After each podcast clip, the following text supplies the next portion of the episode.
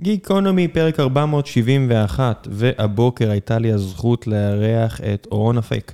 אורון הוא המנכ"ל ואחד משלושת המייסדים של חברת וים, שמנסה לסייע לבעיה האקוטית שהיא מערכת הבריאות האמריקאית, ודרכים לייעל אותה, ודרכים אה, לסייע לחדשנות סביבה ובה. אז דיברנו הרבה על מערכת הבריאות האמריקאית, אורון גר ב, בשנים האחרונות כבר שמונה שנים בארצות הברית, ולכן אה, חלק גדול מהשיחה אה, היה מתובל במילים באנגלית. מה לעשות שאתה מספיק שנים בתרבות אה, זרה, אתה מתחיל לחשוב גם בשפה הזו, אז עמכם הסליחה מראש, שנינו השתמשנו, לפחות 40% מהפרק זה מילים באנגלית, אני יודע שזה מרגיז חלק המאזינים, אז הנה אני אומר את זה מראש. ודיברנו גם על וים עצמה. ועל ההזדמנויות של החברה הזו ושלל נושאים אחרים. ולפני שנגיע לפרק המעולה הזה, אני רוצה לספר לכם על נותני החסות שלנו. והפעם זה נושא חשוב, כסף. כסף זה דבר חשוב. אתם עובדים קשה, מרוויחים יפה, אבל רוצים להתפתח פיננסית באופן שישרת אתכם לאורך כל החיים. זה בדיוק מה שמציעים בבית ההשקעות מור. עם 15 שנות ניסיון בניהול השקעות ומחלקת מחקר מקצועית מהגדולות בשוק ההון, תוכלו לבחור בין מגוון מוצרי השקעה. מור היא החברה שמובילה השנה בגיוסים לקופות גמל וקרנות השתלמות. יש להם גם טרק רקורד מרשים בניהול תיקי השקעות וקרנות נאמנות. ואם אתם משקיעים כשירים, תוכלו ליהנות גם מניהול מקצועי של קרנות השקעה פרטיות וקרנות גידור. אם אתם רוצים לשמוע עוד, חייגו כוכבית 4544 או ייכנסו לאתר. מן הסתם אין באמור כדי לעבוד ייעוץ או, או שיווק השקעות, או כדי לעבוד תחליף לייעוץ השקעות בידי יועץ השקעות בעל רישיון, על פי דין, המתחשב בנתונים ובצרכים המיוחדים של כל אדם. תחת הקוויאט הזה, תיכנסו, תראו אם מתאים לכם, נראים כמו אחלה חבר'ה עם מוצר טוב, תעשו את השיעורי בית שלכם, וזהו. ועכשיו, גיקונומי, פרק 471 עם אורון אפק, מקווה שתהנו.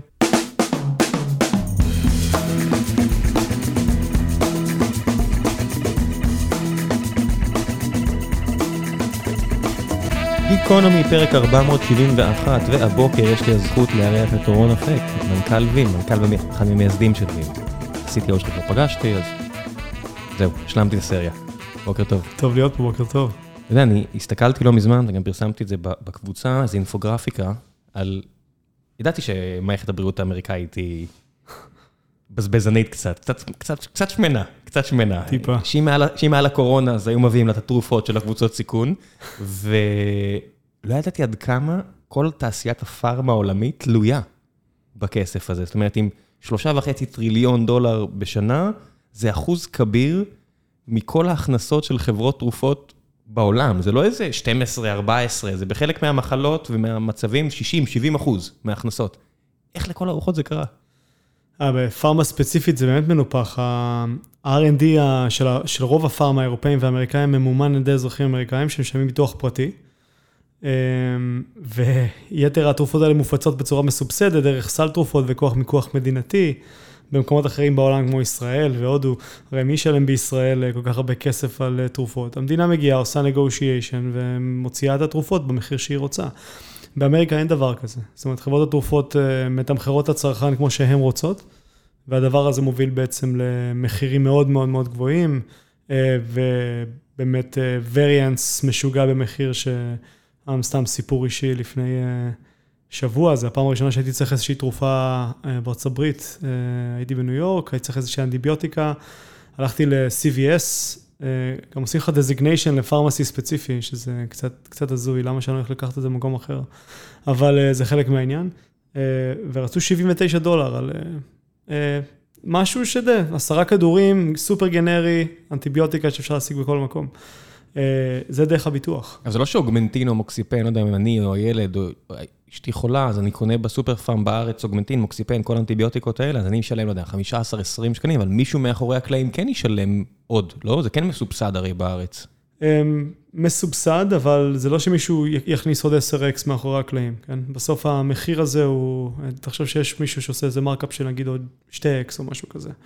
בארצות הברית היית משלם על המקסיפן הזה 80-90 דולר. איך זה הגיוני? זאת אומרת, איך אף אחד בארץ שמגלים שמילקי עולה בברלין אה, שקל וחצי ולא ארבעה שקלים, אה, אתה יודע, זה, זה מעורר אה, תחושות זעם.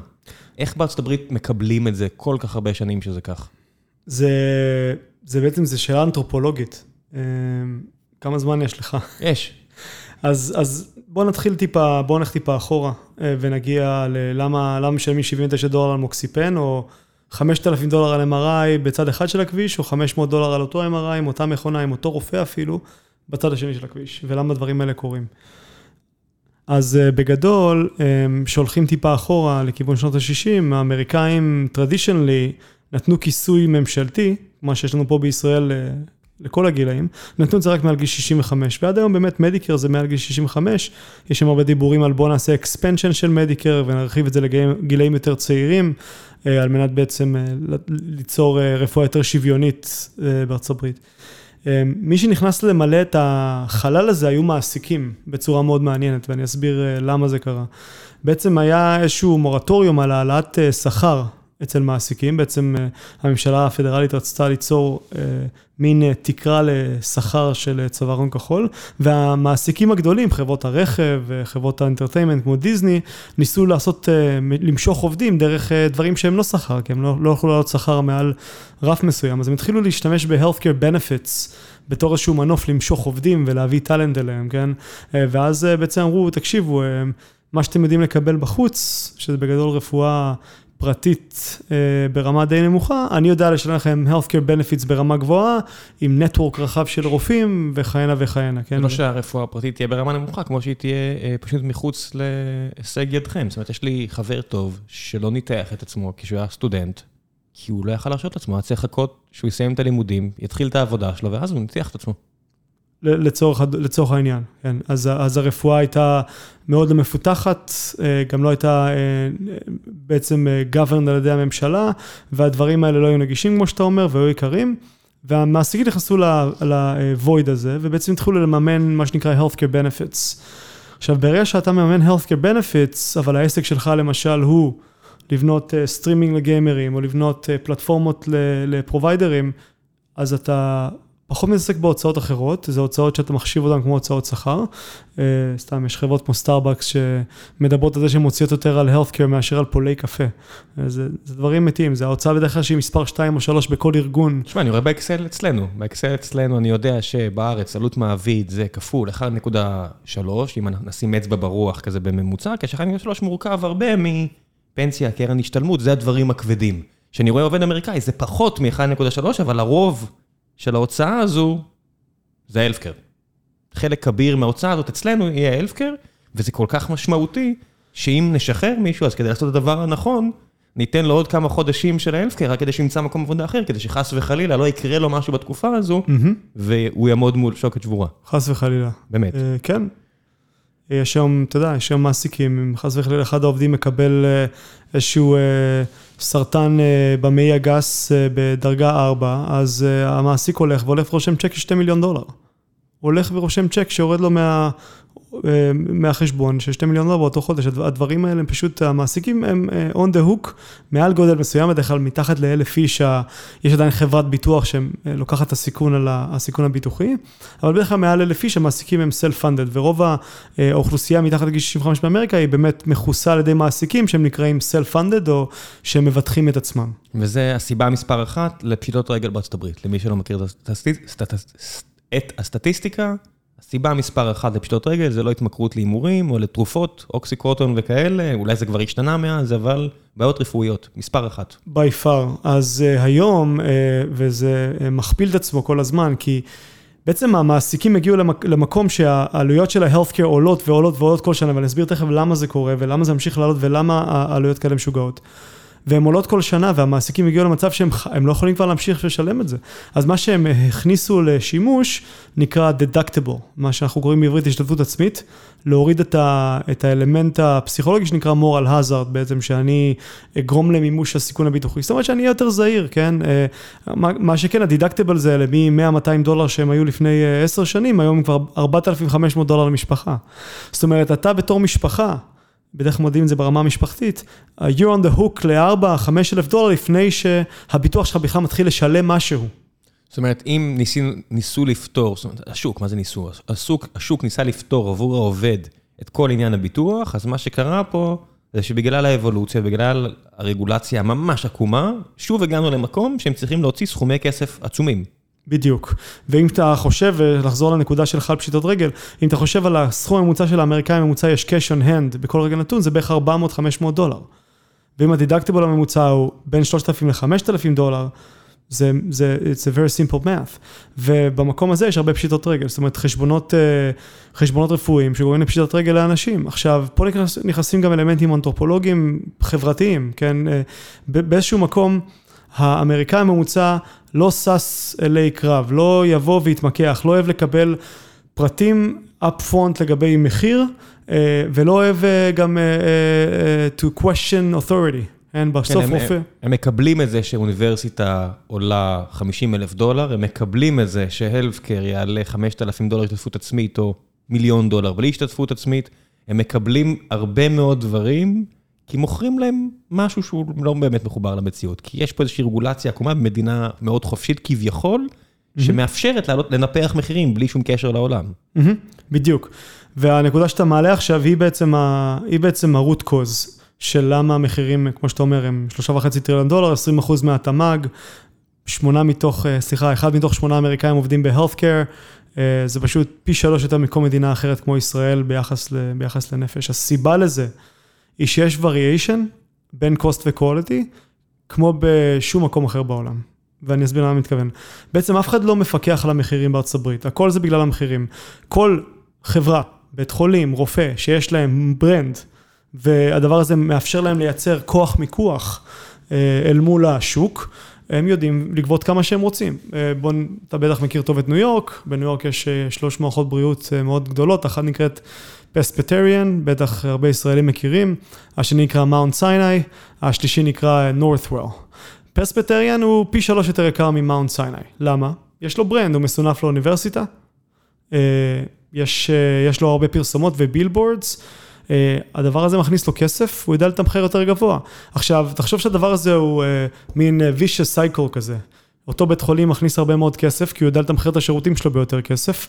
החולים שמגיעים לשם לא שואלים שאלות בכלל, הם פשוט מגיעים לבית חולים, משלמים כמה שאומרים להם, אף אחד לא שואל אפ פרונט, וזה בכלל קטע תרבותי, כמה הולך לעלות לי פרוצדורה א' או ב' וג'. אגב, גם אם תשאל, הפרונט פרסון בשולחן קבלה לא באמת יודעת כמה uh, הדבר הזה מתומחר עם, עם האלף איש שעובדים ב billing back-end של אותו בית חולים, כן? זה לא שיש להם כן. transparency data ב front-end, כן? מה שמדהים הוא שזה מעוות את כל שאר העולם, כי הכסף הזה לא בהכרח הולך רק ל-R&D של חברות תרופות, והוא לא הולך רק בהכרח לקנייה של עוד מכונות, הוא הולך לכיס של רופאים. ואז רופאים בכל שאר העולם אומרים, למה שאני ארוויח אה, X, אם בארצות הברית מרוויחים 10X, 100X, מה זה הדבר הזה? פה לא משלמים מספיק. ויש לך מדינה אחת שהיוותה את כל המשכורות בענף אחד, ויצרה ריפל אפקט, מצטער פה לאנגלית, לא יודע איך לעשות, אה, אפקט של... צלילה ספירלית. בבקשה, שעיוות את כל עולם הרפואה העולמי. זאת אומרת, באמת, אתה מדבר עם רופאים, והם רק מסתכלים על ארה"ב ועוד מדינה שתיים בעולם, שבהם השכר של הרופאים מעוות לחלוטין. לחלוטין, בלי שום קשר לעולם. בלי שום קשר. כן. עכשיו, אתה מהנדס. אמ, בהנדסה, יש לנו בעצם קורלציה בין ה-leverage שאתה יוצר עבור העולם, אה, זאת אומרת, אתה יודע לקחת את עצמך ואת היכולות שלך, ודרך אה, כלים כמו סתם AWS ואחרים, אתה יודע ליצור על עצמך 10-20 x leverage, כן? במקצועות כמו למשל רפואה או בנייה, אה, גם חינוך לצערי היום, אתה לא יכול ליצור leverage על עצמך. זאת אומרת, אתה... זה ליניארי. אתה עושה עבודה, המקסימום שאתה יכול לקבל זה עשרה חולים, מאה חולים, כמה זמן שיש לך לטפל באנשים, זה מה יש. ליניארי. מה שאתה אמרת בהנדסה זה שעשרה אנשים יכולים לעשות וואטסאפ. שזה המספר לעניות דעתי, או אינסטגרם, כלי שהשתמשו בו מיליארדים. בדיוק, אז, אז, אה, אז בעצם, אה, כמו שאתה אומר, אה, אין leverage במקצועות רפואיים, ומה שקורה זה שיש, בגלל שיש כן leverage בעולמות של הייטק ועולמות פיננסים, יש זליגה של טאלנט מעולמות רפואיים או מעולמות אחרים לעולמות הפיננסיים ועולמות של הטק. מה קורה עם הבתי חולים האלה? הם אומרים, אני חייב להשאיר את הטאלנט שלי אצלי. מה קורה? מעלים את השכר של הרופאים, כן? זה נקרא באומל cost disease. יש לך cost disease שגורם להעלאת מחירים, למרות שאין עלייה בתפוקה, או ב, ביעילות של אותם דברים. וכמו שאתה אומר, זה גורם להשפעה כלל עולמית על עלייה של מחירי הרפואה, בגלל מה שקורה בארצות הברית. אז זו כן. נקודה, זו הבחנה מאוד טובה. אנשים עכשיו שמאזינים לזה, וחסידי השוק החופשי, בגרסה הכי אה, ניאו-ליברלית שלו, יגידו, מה, שוק פתוח, אם אתה מעריך את החיים שלך, כמה כסף, אתה יודע, כמה עולה השירות, כמה כסף יש לך. זה, זה, זה דעתם. אני לא חושב שזה הגיוני הדבר הזה. זאת אומרת, בשלב מסוים, אני לא חושב שעולם בלי רגולציה הוא הגיוני. אני מסכים איתך במאה אחוז, ואתה יודע מה, אני גם מאמין בשוק חופשי, אני חושב שיש דברים שצריכים להיות מחוץ לשוק, כמו חינוך רפואה, אפשר לדבר על זה במקום אחר, גם צבא ובתי כלא. עזוב, יש להם מלא רגולציה, מילא אם זה היה באמת מקום כל כך חופשי והיה כל כך מלא בתחרות, אבל גם התרבות לא מאפשרת תחרות, כי זה לא מדינה תחרותית באופייה. לא רואים את זה בספורט, רואים את זה בתרבות, רואים את זה בהרבה מקומות אמריקאים, כי הם לא רוצים אפילו את התחרות הזו. כיף להם שיש תקרת שכר בספורט, וכיף להם שלא צריך לחשוב על ההוצאות עו"ש קטן. ומצד שני, הרגולציה מתערבת בכל כך הרבה דברים אחרים בעולם הרפואה האמריקאי, בגלל הלוביסטים שלהם. כן, לגמרי, אה, וזה נוגע בכל תחום בחיים. אה, אני טבעוני, אפשר לדבר שעות עכשיו על אה, גידול בשר בארצות הברית ואיך הדבר, מה הדבר הזה עושה לתעשייה, אבל כן, ברפואה, למרות, למרות שאין רגולציה והשוק חופשי, הרגולציה הייתה לפחות צריכה להגדיר איזשהם פרמטרים שיגרמו להוריד את ה-variation, אני אסביר למה אני מתכוון. cost ו-quality, אין להם שום קורלציה בארצות הברית. שלח היום לאמזון, לאובר, ל-Airbnb, uh, הכל מדורג לפי cost ו-quality, נכון? הכל מדורג לפי משוואה פשוטה, אלגוריתם של value, שמציף value למעלה.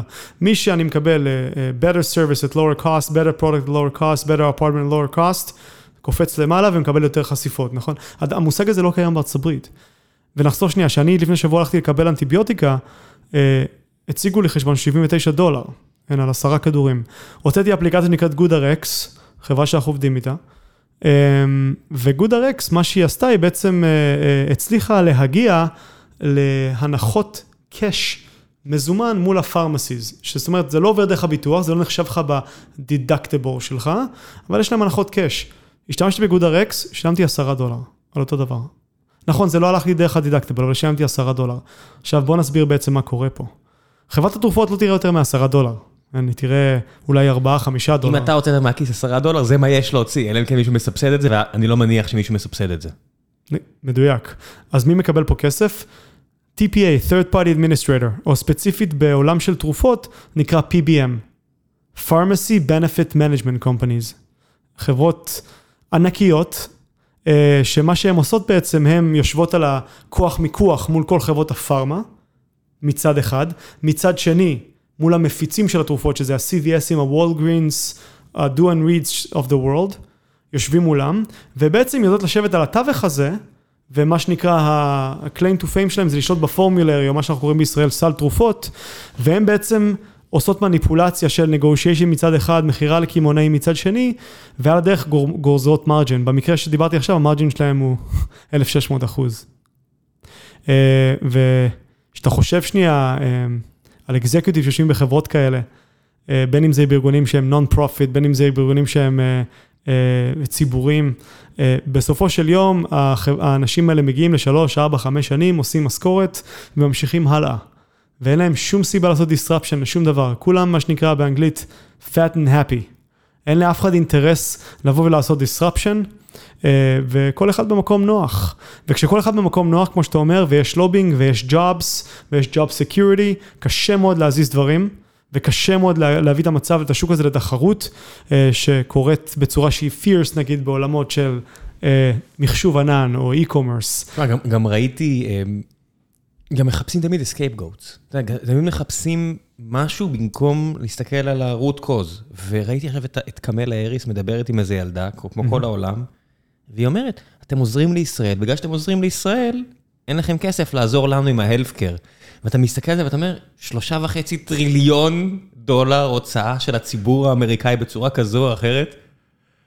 עזוב את האנטישמיות שמתגנבת פה פנימה מכל מקום, אז זה לא יהיה ישראל ויהודים, זה יהיה משהו אחר. זה תמיד יהיה משהו במקום להבין שלא הגיוני הסיפור הזה. זאת אומרת, root cost analysis של על מה אני משלם, מה אני מקבל, לעומת מה אני משלם, מה אני מקבל במקומות אחרים. כן. תראה, אני חושב, אני חושב שזה, אמ, זה, יש פה הרבה, הרבה עניין של אה, בערות, עניין של אנשים לא פשוט לא מבינים את ה-root ואין לאף אחד אינטרס בעצם לחשוף את זה, כמו שאמרתי, לכל אחד נוח זה עשה הרבה מאוד אנשים הרבה מאוד, מאוד עשירים וממשיך לעשות אנשים עשירים. על כל מיני ארביטראז'ים קטנים של בילינג וארביטראז'ים קטנים של uh, uh, תרופה טיפה בשינוי התוויה, שעכשיו גובים עליה 10x על התרופה הגנרית והדברים האלה כל הזמן קורים. Um, יש עוד סיבה, אפשר לדבר עליה, היא, הייתי אומר שה-pricing variation והיכולת של הבתי חולים לקנות עוד רופאים ועוד רופאים ועוד רופאים, שבסוף גם מאפשר להם עוד כוח מיקוח והעלאת מחירים, הייתי נותן איזה attribution של 60-70 אחוז מהמחיר המנופח. הנקודה הנוספת שמעלה את המחירים ואת העלות של healthcare לצרכן זה utilization. אז לא רק ה-unit cost, אלא כמה עושים utilization ל-unit cost, ואני אתן לך דוגמה. בישראל, שאני הולך לצורך העניין לרופא, רופאת, רופאת נשים, רופא משפחה, אז בדרך כלל ההתוויה של, סתם לצורך העניין ילודה, בואו ניקח את זה, זו דוגמה שכולם מכירים, היא די ברורה, זאת אומרת, יש פה שלוש, ארבע קופות חולים, ברור בדיוק איך צריך לטפל בחולה, מתחת לאיזה גיל מממנים איזה בדיקות וכהנה וכהנה. יש מה שנקרא best practice. שכולם... יש פרוטוקול מאוד ברור, ואם אתה רוצה לצאת מהפרוטוקול ואתה רוצה בדיקה שלא נמצאת בפרוטוקול. זה לא יהיה קל. זה לא יהיה קל.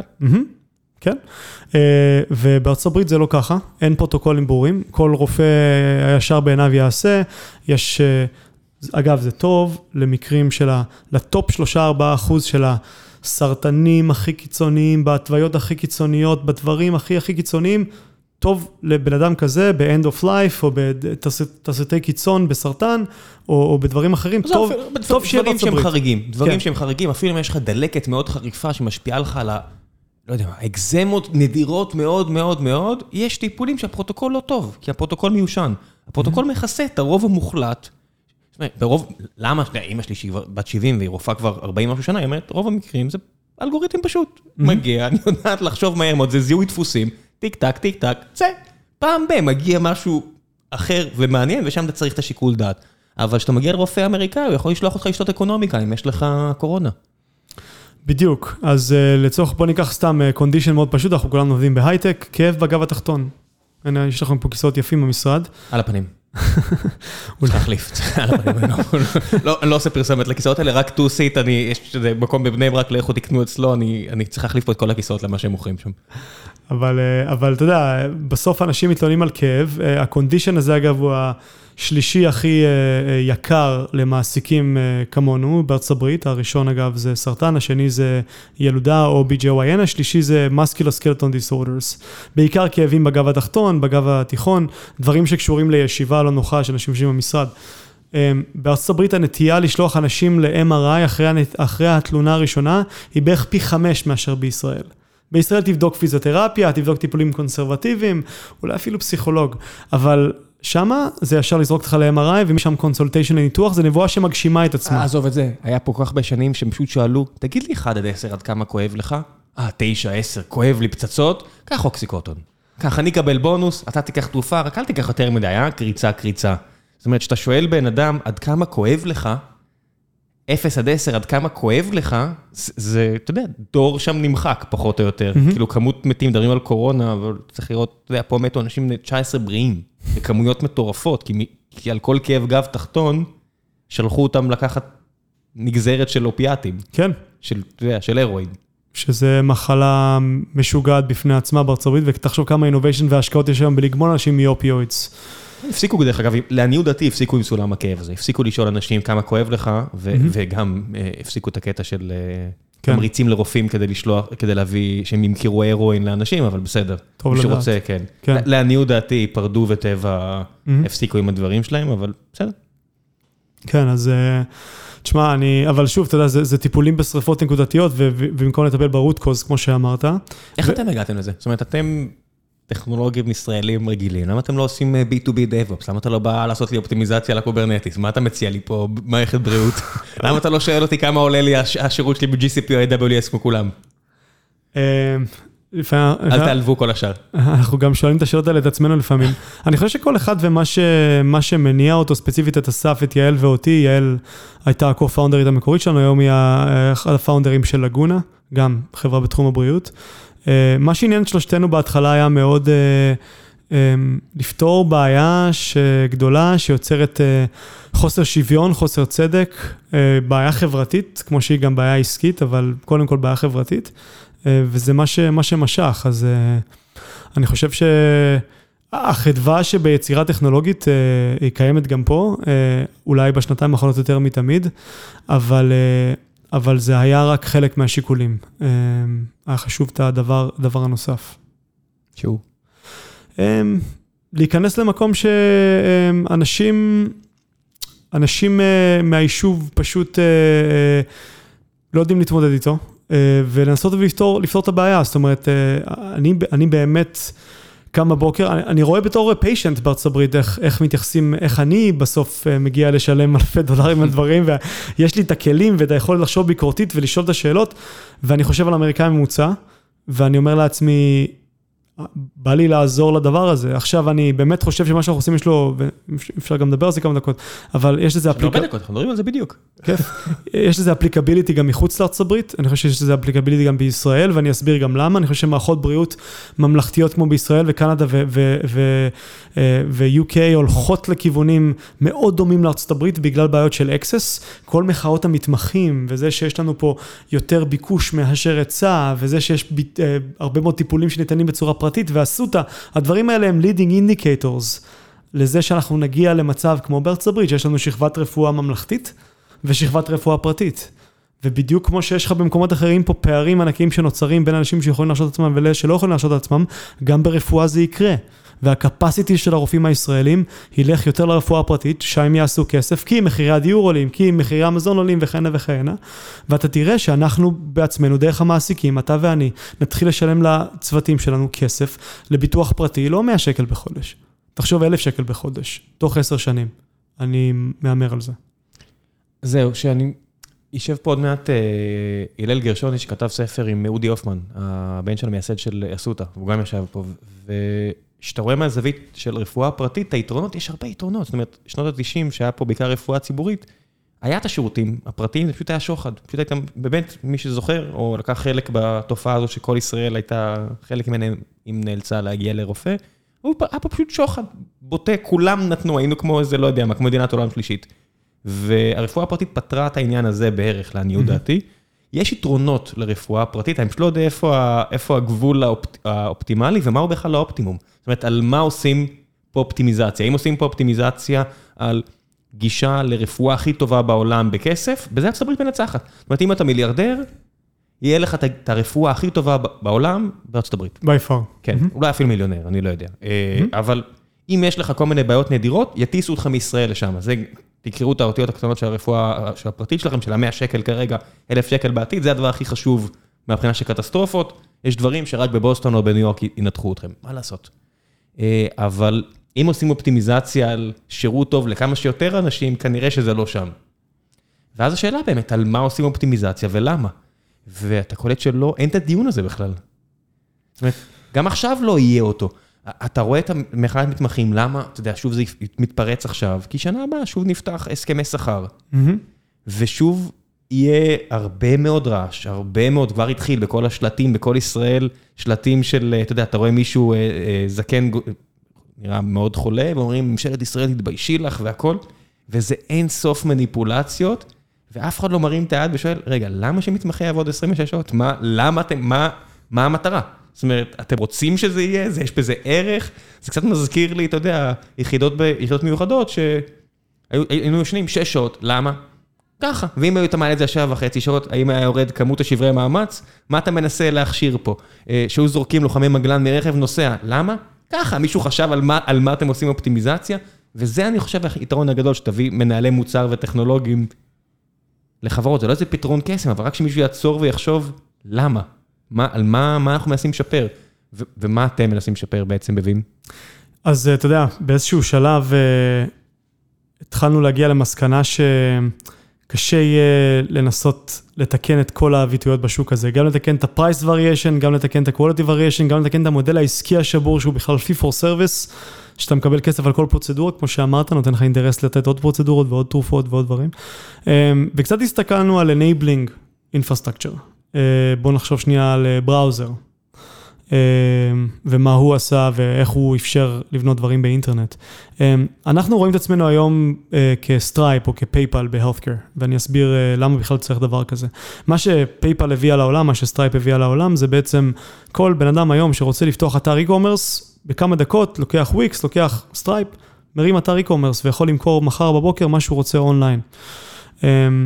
יש המון כסף והמון innovation שהולך ל-US Healthcare, והולך היום אה, בעצם אה, להרבה מאוד innovation, גם בתחום הפרוצדורלי, גם בתחום הטכני, בתחום של דאטה, בתחומים שקשורים ל-Back Office. אה, הבעיה של כל החברות האלה, זה שאין להם באמת גישה לתשתית הטכנולוגית ש, שבעצם בנתה את ה-US Healthcare, ואני אסביר שנייה מה קרה בשוק הזה. כדי להסביר מה Vim עושה ולמה PayPal ו Stripe זה דוגמה. אז לפני בערך עשר שנים, וקצת יותר, אובמה קר, התחילו להיכנס חוקים של מה שנקרא meaningful use. בעצם הממשלה הפדרלית באה ואמרה, אנחנו רוצים שרופאים יפסיקו לרשום עם pen and paper ויעברו ל-medical records, יעברו לתיקים רפואיים אלקטרוניים.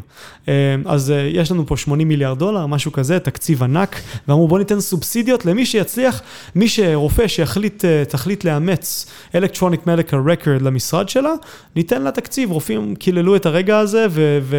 ויש שם תוכנות, יש אלפי תוכנות כאלה בארצות הברית, כולם נבנו ב Visual Basic 6 וכל מיני דברים זוועתיים כאלה. כמו ניהול מס אצלהם, הטוב היה בדיוק. מי שמכיר, כן. לגמרי, לגמרי, עד שבא TurboTax ועשה שינוי, אבל באמת, כל אחד לקח איזה מערכת שהוא רוצה, קיבל את התמריץ, השתמש בה חצי, לא השתמש בה, המערכות האלה מערכות שנבנו כמערכות billing במקור, שפתאום הוסיפו להם כל מיני פיצ'רים של medical records ודברים מהסוג הזה, ונוצרה לך פרגמנטציה מטורפת בשוק, עם ונדורים של מערכות שנבנו ב-90's, על infrastructure מאוד מאוד ישן, שלא פתוחות לעולם, אין להם APIs באמת רובסטיים, הם מתחברים ומתקשרים מהעולם בכל מיני סטנדרטים, לא סטנדרטים של SMART on FHIR, של HL7. אתה קצת היית ב banking, אתה מכיר בטח... אני מכיר הכל, ראיתי הכל. מכיר את Plaid, נכון? Plaid זה הפתרון. Plaid, אם אתה מקבל שכבה כמו Plaid וכמו Stripe, שמישהו ש... מה Stripe עושה? היא... היא on record, היא דואגת לכל הרגולציה, ואתה רק משתמש בה, ואז היא ה middleman שלוקח יחסית מעט ונשאר לך מספיק בשר. Plaid אותו דבר, תנו שכבה מעל כל הבנקים, ואלוהים יודע שבארצות הברית יש מלא בנקים, ואם בנק גדול של עשרות מיליארדי שקלים זה כל כך קשה לעשות בו חדשנות, אז בטח שבנק קטן, אחד מאלפי הבנקים בארצות הברית לא היה לו שום סיכוי להציע לך API הגיוני, אז Plaid הגיעו ועשו את זה. נכון, ואגב, הייתה רגולציה שאמרה לבנקים, תפתחו, תיפתחו לעולם. בטח. ומה קרה עם זה? פה בארץ? אני, I'm chuckling, זה לא... רגולציה בלי שיניים זה לא רגולציה. עזבי מפלד להלפקר. אנחנו בעצם בנינו מערכות שמתממשקות מעל המערכות הרפואיות, בין אם הם און-פרם, בין אם הם Web-based. אנחנו יודעים להפעיל אלמנטים של Public APIs ו-Reverse Engineering ו-Computer Vision, ובאמת שילוב של הרבה מאוד אלמנטים כאלה ואחרים שיודעים לתת לנו תמונה מלאה לגבי מה הקונטקסט בתוך ה-workflow של אותה רופאה, ואיך עכשיו אני מסיק מזה מסקנות, כתוצאה מזה גם נותן המלצות. עכשיו, שוב, זה לא רק הטכנולוגיה, יש פה גם בעצם פתרון של בעיה עסקית מאוד גדולה, ואני אסביר, אסביר לאן אני מתכוון. אז, אז, אבל בעצם שנייה, לחזור ל purity של הדבר הזה, זה בעצם לבנות את אותו Plaid, אותו Stripe, את אותו PayPal, enabling technology, שמאפשר לכל אחד, בין אם אתה חברת ביטוח, בין אם אתה third party vendor שבונה test kits, ל FIT test, ל colon cancer prediction, דברים אחרים שאתה עושה בבית, remote patient monitoring, כל מיני medical devices שנמצאים בבית ומתחברים, כל דבר, כל אחד שרוצה להתחבר לאותו ממשק רפואי, יכול להשתמש שם בטכנולוגיה של Vim בעצם כדי להתממשק. ואתה לא הולך להביא דגים, אתה מייצר חכות, מניח את החכות על החוף, ואתה מקווה שיבואו דייגים טובים, ייקחו את החכה שלך, ישלמו לך מחיר הוגן. והם ישתמשו בחכה שלך כדי להביא הרבה דגים לחוף. כמעט 80 מיליארד דולר של, של דייגים גויסו רק בשוק האמריקאי בדיג'יטל הלף בשנה האחרונה. יש, יש הרבה דייגים, הרבה אנשים רוצים, והאלטרנטיבות שלהם היום זה להיכנס להתממשקויות של 8 עד 12 חודש, מאוד מאוד יקרות, מאוד לא סטנדרטיות, מאוד לא ב-workflow. לעומת לעבוד עם וים, לקחת כמה דקות, להתקין משהו על הממשק של הרופא, לא להיות תלוי באותה מערכת, באותו בנק במרכאות, באותו מערכת רפואית ישנה, ומה שהיא מוכנה או לא מוכנה שתעשה, לתת לך אפשרויות בלתי מוגבלות לבצע בעצם בתוך ה-point of care. תגיד, עסקית. יש הרבה דייגים. למה, אני מניח, לא יודע, עלה לכם הסוגיה הזו, למה לפתח את הפלד ולא לפתח את הבנק? זאת אומרת, הסתכלתי על תוכנות רפואיות, בארץ בעיקר, מן הסתם. זה אתגר גדול? זאת אומרת, אני, אני שואל עכשיו בצורה יהירה ו, או טריוויאלית, למה לא לעשות את המוצר לרופאים עצמו ולעשות תוסף מעליו? שאלה מצוינת. זה לא משימה גדולה מדי. אתה יכול לבנות את זה היום עם כמה מהנדסים טובים, בחצי שנה אתה תרים מערכת שהיא כנראה יותר טובה מהרוב. אה, נגיד לפריימרי קר, לא מדבר איתך עכשיו על אה, סנאריואים של ספיישלטי ואונקולוגי ודברים ספיישלטי קר, כן? אה, הרפואה, 90 אחוז מהרפואה. 90 אחוז מהרפואה, משפחה, רפואת ילדים, רפואת נשים, זה 90 אחוז זהה. חצי שנה עם עשרה מפתחים טובים, אתה ואסף ואני נרים את זה. אני גם חושב את זה על בנק, כן? רק לשים את זה על השולחן. אני גם, כאילו, מה זה, החבר'ה שלי מפפר מרימים עכשיו את לילי, שזה בנק, הם עושים את הליבה בעצמם, לעניות דעתי, שלא כזו ענייה. לגמרי. זה לא איזה... זה קשה, אני לא מזלזל בזה. זה פשוט לא בלתי אפשרי, אז למה לא? אתן לך דוגמה. אופטום, שזה אחד המשקיעים שלנו, זו החברת Healthcare Services הכי גדולה בעולם, קנתה 55 אה, אלף רופאים בעשר שנים האחרונות. קנתה, זאת אומרת, קנתה את ה-practices שלהם, שוב, אתה לא יכול לקנות בן אדם, אבל אתה קונה את ה-practice, את ה-brands, אתה קונה את החוזים שלהם מול חברות ביטוח, אתה, אתה קונה את, ה, את, ה, את המרכז הרפואי. בתור בעלי הבית, הם עדיין, בעשר שנים האחרונות לא הצליחו לעשות, to influence את כל אותם 55 אלף רופאים שמשתמשים במאות מערכות שונות, they couldn't influence them to move to the same freaking system. אז זה... לפחות הם לא כותבים בכתב אה, קרילי אה, בלתי מובן. כן, נכון, אני זוכר את זה שהיינו ילדים, אבל זה המציאות, זאת אומרת, השינוי התנהגות, ה-threshold מאוד גדול. עכשיו, אנחנו מבינים שה... אה, בסוף אנחנו מציפים אינטרפייסס חכמים אה, שלומדים ומציפים מידע בזמן אמת לאותו רופא או, או MA או PA או nurse שנמצא מול החולה.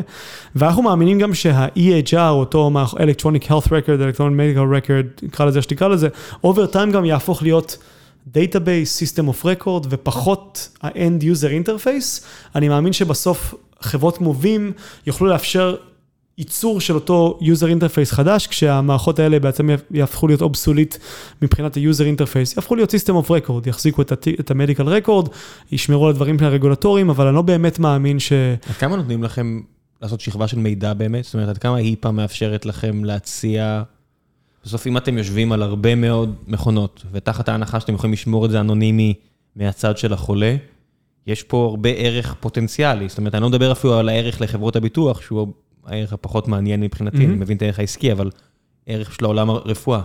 מגיעים לארץ כי יש פה הרבה חברות חוק שרוצות מחקר, יש פה את כל המידע דיגיטלי מסודר, מעט קופות חולים מאוד חזקות, אז זה די מכרה זהב למי שרוצה לעשות מחקר. למה שווים לא תעשה את זה בארצות הברית? א', זה זה לא רק הערך של הדאטה לצורכי מחקר, זה גם הערך של הדאטה לצורכי הורדת ה-utilization שהוא unnecessary, ואני אסביר שנייה למה אני מתכוון. היום כשאתה הולך לרופא א' במכבי ורופאה ב' ורופא ג', כל א', ב' וג' ידעו בדיוק את כל הפרוצדורות שעברת בשנים האחרונות, לאן הלכת, מה עשית, כי אתה במכבי, נכון, אני במכבי, אני רואה את כולם, אה, כולם רואים אותי. לא תמיד עובד, אבל בתיאוריה כן. לא תמיד עובד, אבל בתיאוריה כן, ובארצות הברית זה לא ככה, כי כל רופא בעצם יש לו איזשהו סיסטם שהוא uh, נפרד. אז מה שווים בעצם תדע לעשות בעתיד זה גם לחבר את המדיקל רקורד בצורה שהיא לונגיטודונל, ומאפשרת גישה אליו מכל מיני uh, מקורות שונים, ואתם כולם רואים את אותה תמונת מידע. אז יש פה גם שימושים במידע שהם לאו דווקא R&D במהות שלהם, וגם יותר רפואיים במהות שלהם, שלא יכולים לקרות היום.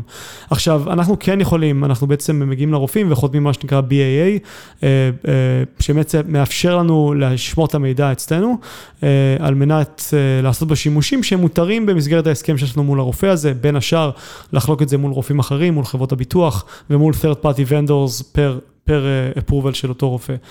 ופה גם, אתה יודע, פה גם צריך להיות... משתמש הקצה גם צריך לאשר, או שהוא מוותר על הזכויות שלו ברגע שהוא מגיע לרופאה? שאלה מצוינת, הוא מוותר על הזכויות שלו תמיד, הוא מוותר על סודיות רפואית כשהוא מגיע לרופא, וגם מול חברת הביטוח כשהוא חותם על הפוליסה, זאת אומרת, הוא מוותר על הזכויות שלו מול שני הגורמים האלה, אה, ועושה להם delegation של הזכויות, ואנחנו בעצם שואבים כ subcontractor מהזכויות גם של, הר... גם של הרופא וגם של חברת הביטוח, ו... ויש לנו בעצם יכולת לגשת למידע הזה. וזה מכסה אתכם? זאת אומרת... כן, לגמרי. מול מי אתם צריכים להתמודד? ה-FDA? אנחנו לא עובדים מול ה-FDA, אנחנו עובדים אה, בעצם מול חברות הביטוח. אז, אז אגב, יש פה גם איזשהו עניין של... אה, כדי לעשות go to market בסקייל גדול, אתה יודע, יכולנו להקים חברה שעושה פשוט enterprise sales ומוכרת לכל הרופאים בארצות הברית, אבל לא היינו באמת יכולים לשנות את השוק. כדי לשנות את השוק, אמרנו בוא נעבוד עם חברות הביטוח הכי גדולות, אז United, Anthem זה החברות שבעצם מכסות אה, יותר מ-50% מהאמריקאים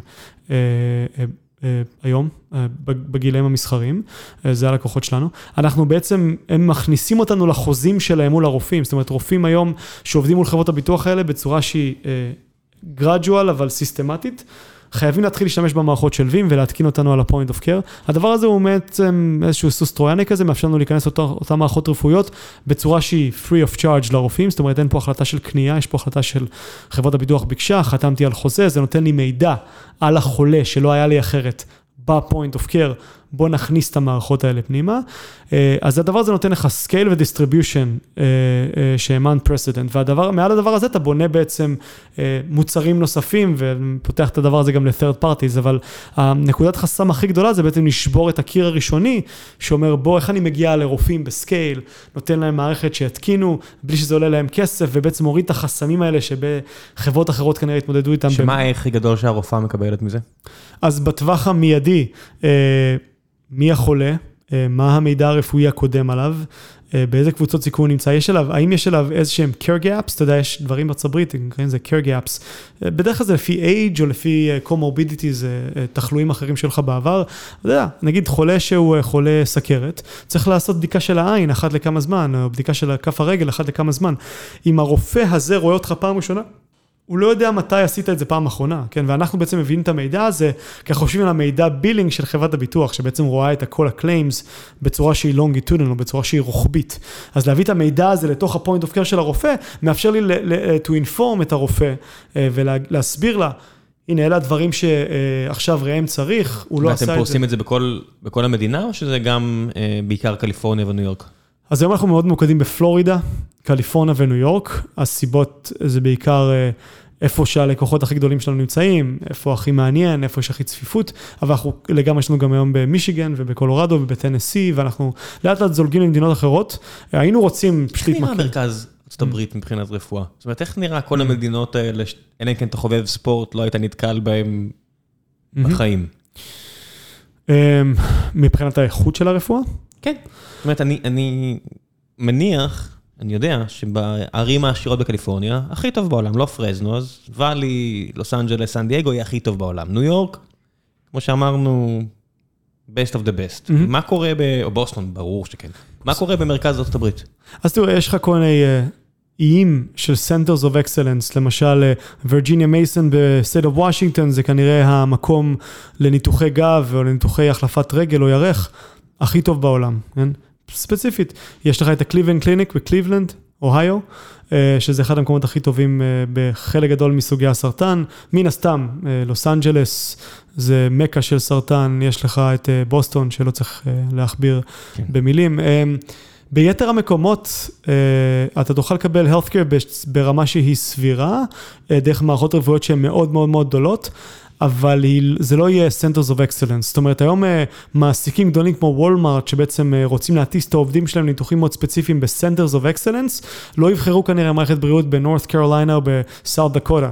הם יחפשו את וירג'יניה מייסון בוושינגטון ואת ניו יורק פספטריאן לפרוצדורות מסוימות, וגם ה-negotiation שלהם בגלל הכמות גם ייתן להם מחירים יותר טובים. הם עושים את זה כי הם חייבים? או שהם עושים את זה כי הם רוצים, זאת אומרת, וולמרט המעסיק הכי גדול בעולם, בעולם, בעולם, mm-hmm. הוא עושה את זה כי הוא רוצה לתת, לצ'פר את העובדים שלו, והוא רוצה לדאוג לרווחתם, או שהוא עושה את זה כי מישהו מכריח אותו? לא, לא ולא, הוא עושה את זה כי הוא רוצה לחסוך כסף. יש שם הרבה מחקר שמראה שכשאתה הולך ל center of excellence, כמו Virginia Mason, אקח את זה בתור דוגמה, כי זה דבר שקרוב לכולם. אה, ואותו Center of Excellence יש לו סטנדרטים מאוד מאוד גבוהים, הוא עושה, אה, בעצם הוא מאמץ מה שנקרא ברי קולבורטיב, שזה אומר אמנה רפואית של State of Washington, שבעצם אוסר עליך לנתח, אלא אם כן יש באמת זכאות ניתוחית ו- ו- ונחיצות ניתוחית, כן? וכשאתה שולח אנשים למקומות האלה, הם מאוד מאוד טובים ב-only render appropriate care, רק לתת טיפול. שהוא, שהוא נכון ודרוש וצודק, אה, ולכן גם למרות שהמקומות האלה יותר יקרים, עדיין משתלם יותר לוולמארט לשלוח את החולים שלהם, להטיס אותם, לשים אותם במלון חמישה כוכבים עם הבת בני זוג שלהם שם, במשך שבוע-שבועיים, שיעברו את ה hip replacement שלהם ב Virginia Mason. זה יותר נכון להם, כי יהיה פחות complication rate, כי יהיה פחות אה, אה, over utilization של המערכת, כי יהיה פחות opioids, כי יהיה פחות, פחות עלות overall. אה, אז הם עושים את זה משיקולים כלכליים נטו, אין להם אחרת, בסוף וולמרט זה וולמרט, מי שעובד בוולמרט אין לו הרבה אלטרנטיבות אחרות. איך זה נראה מהזווית שלכם השנה וחצי האחרונות? זאת אומרת, אני מסתכל פה על החברות סביבנו, ש... הטירוף הכלכלי, זה שהייתי מאוד ביקורתי כלפי הממסד הרפואי, אני מניח שזה, אני, יש לי הרבה... אה, כתמים עיוורים, או לא יודע איך נקרא, blind spots בעברית, על עולם הטק, שיש לו זרם הרבה יותר מדי כסף פנימה, ו- וכנראה פותחו פה שכבות של שומן, אני לא יודע אם זה הפרארי בחוץ שאני, שאני רואה ברחוב, זה קשור לזה, אני חושב שכן. אה, איך זה בא לידי ביטוי אצלכם? זאת אומרת, כמות הכסף שנשפכה פתאום לשוק בטק? אמ, זה השפיע עליכם, זה, זה פסח מעליכם, זה דוחף אתכם לעשות דברים שאתם מהר מדי, שלא בא לכם. זאת אומרת, אני מדבר עם יזמים, שהכמות כסף הזו גורמת להם לעשות דברים שהם לא היו עושים אחרת, ולא בטוח שהם צריכים לעשות אותם. אתה יודע, יכול להיות שהם עושים דברים גם בגלל שפתאום התחרות קיבלה הרבה מאוד כסף, כן, כן, וזה כן. מכריח אותם לעשות דברים. אני מדבר בדיוק על הדברים האלה, זאת אומרת, אם מישהו משתגע ומתחיל לשפוך כסף על marketing בצד השני, ככה זה. הרופא העשיר ב upstate ניו יורק משפיע על הרופא בחיפה. לגמרי. תראה, אנחנו... אנחנו רואים את זה, זה קורה מסביבנו, מה שאתה מתאר זה בצורה מדויקת קורה גם ב digital health בארצות הברית, יש הרבה חברות שהטכנולוגיה שלהם היא אה, לא מהמתוחכמות, לא מהמעניינות, אבל הן דוחפות הרבה מאוד כסף ל marketing, יש להם אה, הרבה יותר אנשי marketing מאשר מהנדסים, זה מזעזע, אני יודע, אבל זה מה שקורה, הרבה מאוד כסף שנשפך לשם, אה, והן, יש להם הרבה over promise ו-under deliver, והם עושים הרבה רעש לשוק. איפה זה שם אותנו? אנחנו, תראה, אנחנו מנסים... קודם כל, אחת המנטרות שלנו ואחד ה-core principle שלנו זה do more with less, או קצת frugality של אמזון, אבל אנחנו קוראים לזה do more with less. יש, יש, יש שולחנות מכיסא, שולחנ, שולחנות מדלת. איך שולחנות מדלת, אה, כן, כן סוג של, אה, זה, זה מאוד אה, חשוב לנו ש...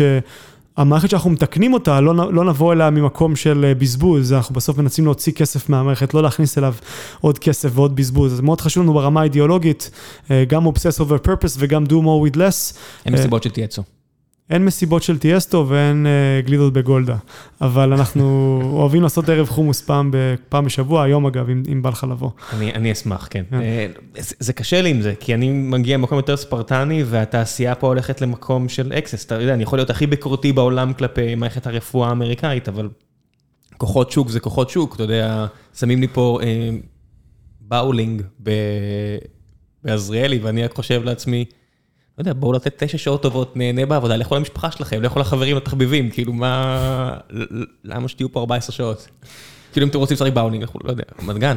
כן, אז, אה, אז לגמרי, אבל אה, אנשים אוהבים את העולם תוכן הזה, הם באים לפה, הם אוהבים את האנשים שהם עובדים איתם, אוהבים את הגלובליות של העסק שלכם. אצלנו זה בא במקום של אנשים שיש להם גם אידיאו, אידיאולוגיה, משמעות, מחפשים כן. את העולם הזה של הרפואה, אוהבים את הדבר הזה, אנחנו באמת חברה ישראלית עם שלוחה בארצות הברית ולא חברה אמריקאית. מתי עברת? אני כבר, בארצות הברית, אה, הגלו אותי לשם לפני שמונה שנים כבר. אה, זאת אומרת, החברה כבר בת שש, אני כבר אה, על הקו שמונה שנים, וגר פול טיים בארצות הברית כבר שש שנים מאז שהתחלנו את החברה. זה עוזר לכם מאוד, כי אתם בסוף פותרים בעיה אמריקאית. בעיה סופר אמריקאית, אני אגיד לך שאנחנו, אולי חלק מהעובדים שלנו שומעים את זה גם פעם ראשונה היום, אבל יש לנו הרבה פניות מברזיל, מפורטוגל, מ-UK, מסין אפילו, אה, של לפתור בעיות דומות גם שם, ואני מרגיש, מרגיש שזה עדיין פרימצ'ור, הבעיה עדיין מאוד אמריקאית במהות שלה. כן, מה יש לכם? יש לכם, יש לכם שוק אינסופי בארצות הברית ו-350 מיליון אנשים, מה אתה צריך ללכת לברזיל או לגמרי, פורטוגל? לגמרי, שוק אינסופי, ו, וזה גם מאוד... יחסית נוח לגייס שם ישראלים, אנחנו מאוד רוצים לשמור על התרבות הישראלית across the board.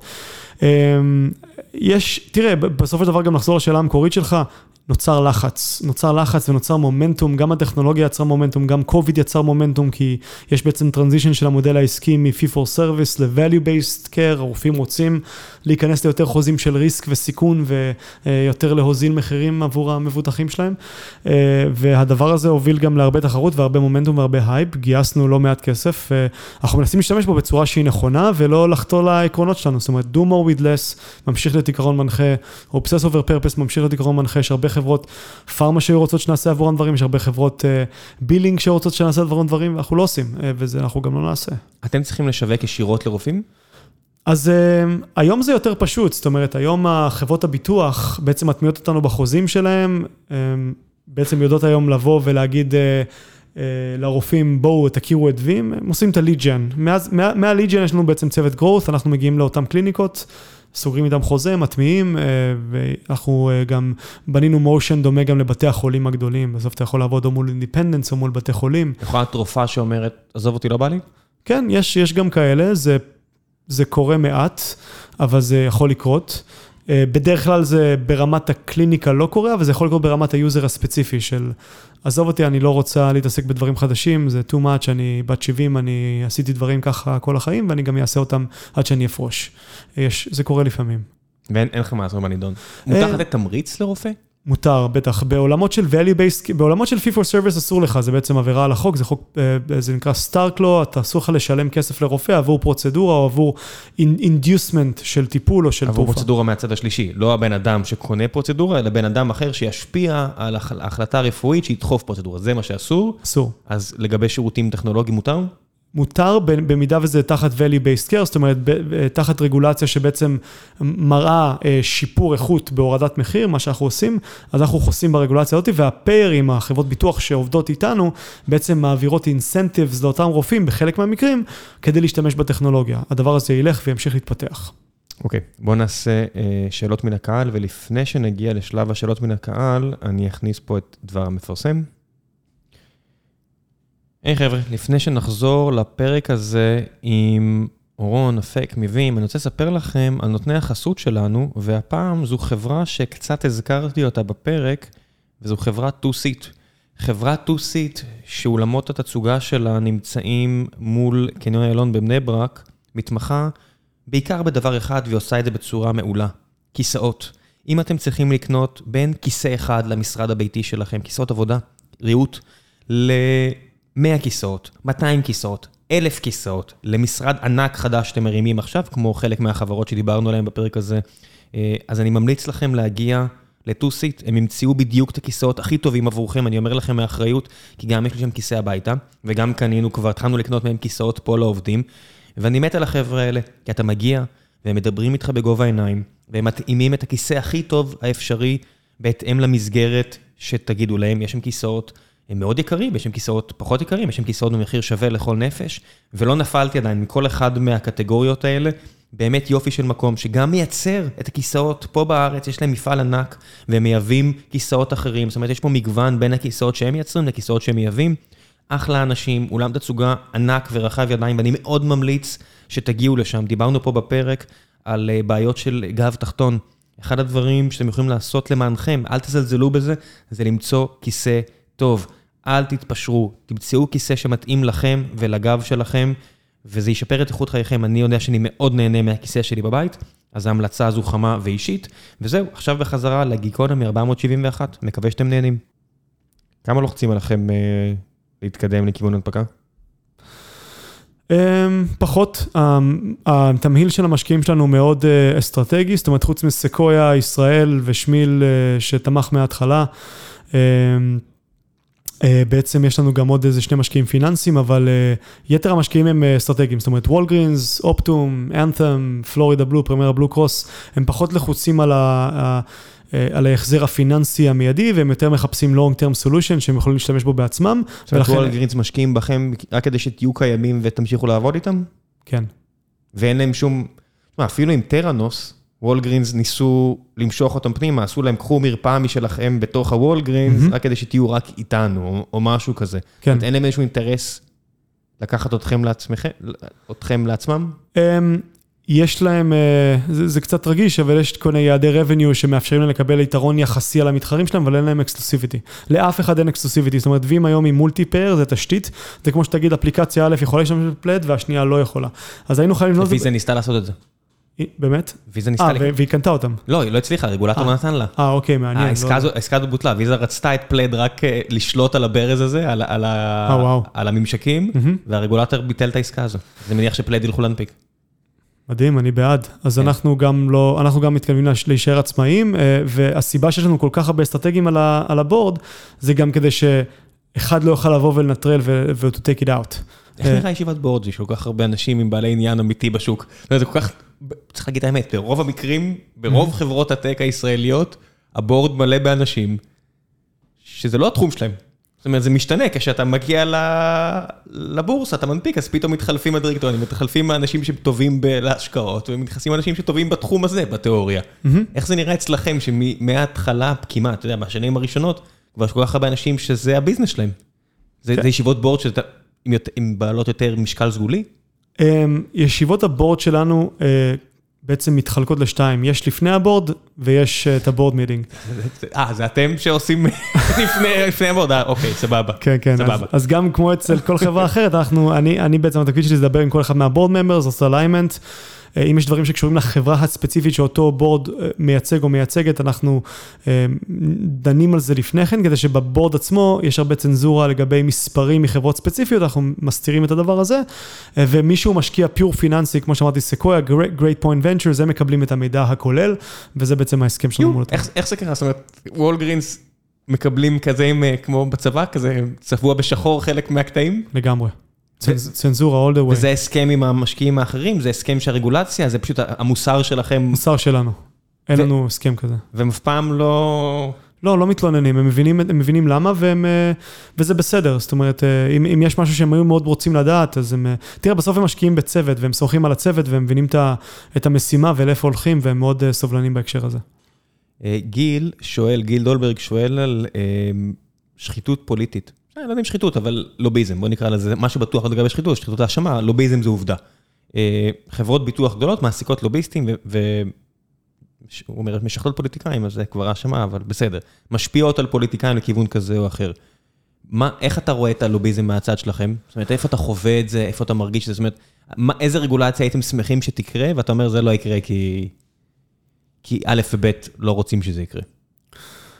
ברמה האישית, עזוב שנייה העסקית ווים, והייתי רוצה שירחיבו את מדיקר, שייתנו מדיקר for all, אה, וכל אחד יקבל אה, ביטוח בסיסי אפילו, אה, דרך המדינה, דרך המיסים, כמו שיש לנו בישראל. הדבר הזה לא יקרה בגלל שיש הרבה מאוד אינטרסים כלכליים, שהרבה מאוד אנשים מרוויחים הרבה מאוד כסף, חברות ביטוח שמרוויחות הרבה מאוד כסף, מממנות הרבה לובי, הרבה sponsorship ל governors ולקונגרס ודברים מקומות, מקומות אחרים, ו, ואין בעצם דרך מוצא משם. זאת אומרת, לא יבוא היום אף בית ויעביר חוק שיעשה Medicare for all. אולי ברני סנדרס היה עושה את זה, אבל הוא היה נתקל בהרבה מאוד קשיים בלהעביר את החוקים האלה. ניסו לעשות, גם מדיקייד, זאת אומרת, שזה המקבילה של. מדיקר, במקום 65, פשוט לאנשים מתחת לרף הכנסה מסוים, נכון. והכוונות הטובות האלה דחפו את המחירים עוד יותר למעלה, כי, כי יש כל כך הרבה שומן. כי אתה, אתה יודע, אתה מכניס פה עכשיו כסף ממשלתי במערכת שהיא כל כך פרטית וטורף, וטורפנית. וגם מדיקייד הפך להיות פרטי בשנים האחרונות, עשו לזה כן. outsource, כמו כן. בתי כלא. גם מדיקייד קיבל outsource אה, לחברות ביטוח. אז יש לך מפלצות היום כמו סנטין, שמעת פעם את השם סנטין? לא, זה חברות ענק, אני מסתכל, רולניק תמיד שולח להסתכל את ה-500 חברות הגדולות בארצות הברית, תראה שאתה לא מזהה איזה 100 מהם, שזה הכל healthcare. כן, בדיוק. שזה חברות באמת של עשרות מיליארדי דולרים, שהם לא... מילא, אתה יודע, שאני מסתכל על כל מיני חברות טכנולוגיה, ואני אומר, איך אלה שווים 40-50 מיליארד דולר? בסדר, אני יכול להבין, מכפילים על הכנסות, כל מיני אבו ג'רס כזה, אבל אז אתה מסתכל על חברות כאלה שהן באמת גם מכניסות מלא כסף, כאילו, הכנסות פסיכיות. כן, כן, Centene אה, לדעתי מכניסה מעל 100 מיליארד דולר. שם, שם שלא שמעת. כן, כן, לא, זה, זה, בסדר, זה כמו בדשנים, זה כמו בהרבה מאוד מקומות שנהנים להישאר אה, בצד של הדיון, ושכולם ידברו על Cloudflare ומכפילים הכנסות של, מכפילי הכנסות של, לא יודע מה, SentinelOne, שאף אחד לא ידבר על מקומות שיש מכפילים נמוכים יותר, ומבחינתם טוב שכך. לגמרי. זה עיוות כן. משוגע. טוב, המלצות מהצד שלך, משהו טוב שקראת, ראית, שמעת לאחרונה, אתה עכשיו חזרת לטוס. יש לך עכשיו איזה 15 שעות או 12 שעות במקרה שלך, הלוך חזור. המלצות לספרים. מה שבא לך. אני מאוד מאוד אוהב את אמזון, ומי שאוהב מוצר, ומי שאוהב את אמזון, ומי שאוהב marketplaces, קראתי ספר נקרא Working Backwards, שספר... מלינקים, כן. ספר מדהים. אני מאוד מאוד אוהב אותו. יש, יש ספרים נוספים על אמזון, Everything Store יותר ישן, אבל, אבל גם ספר שמאוד מאוד טוב. ספר אחר שקראתי, אז גם אסף וגם אני מאוד מאוד אוהבים Operating System ו-Culture ואיך בונים Operating System לחברות. אז Good to Great זה היה ספר מכונן בשבילנו ב-2020. וזה בעצם ספר עוד פעם קצת ישן, אבל כן מדבר על מה, מה, מה הופך חברות להיות great. ו-sustainably great. כן, כל הספרים האלה של, אתה יודע, פיניקס פרויקט ו-five dysfunctions of a team וכל האלה, זה לא משנה אם בני עשר או לא, בני אדם לא השתנו. גם אם יש עכשיו, אתה יודע, מחשוב בענן ולא און פרם, זה עדיין, איך לעשות צוות מנצח, זה עדיין, הדברים האלה הם עדיין נכונים. עוד משהו שאתה בא לך להמליץ עליו?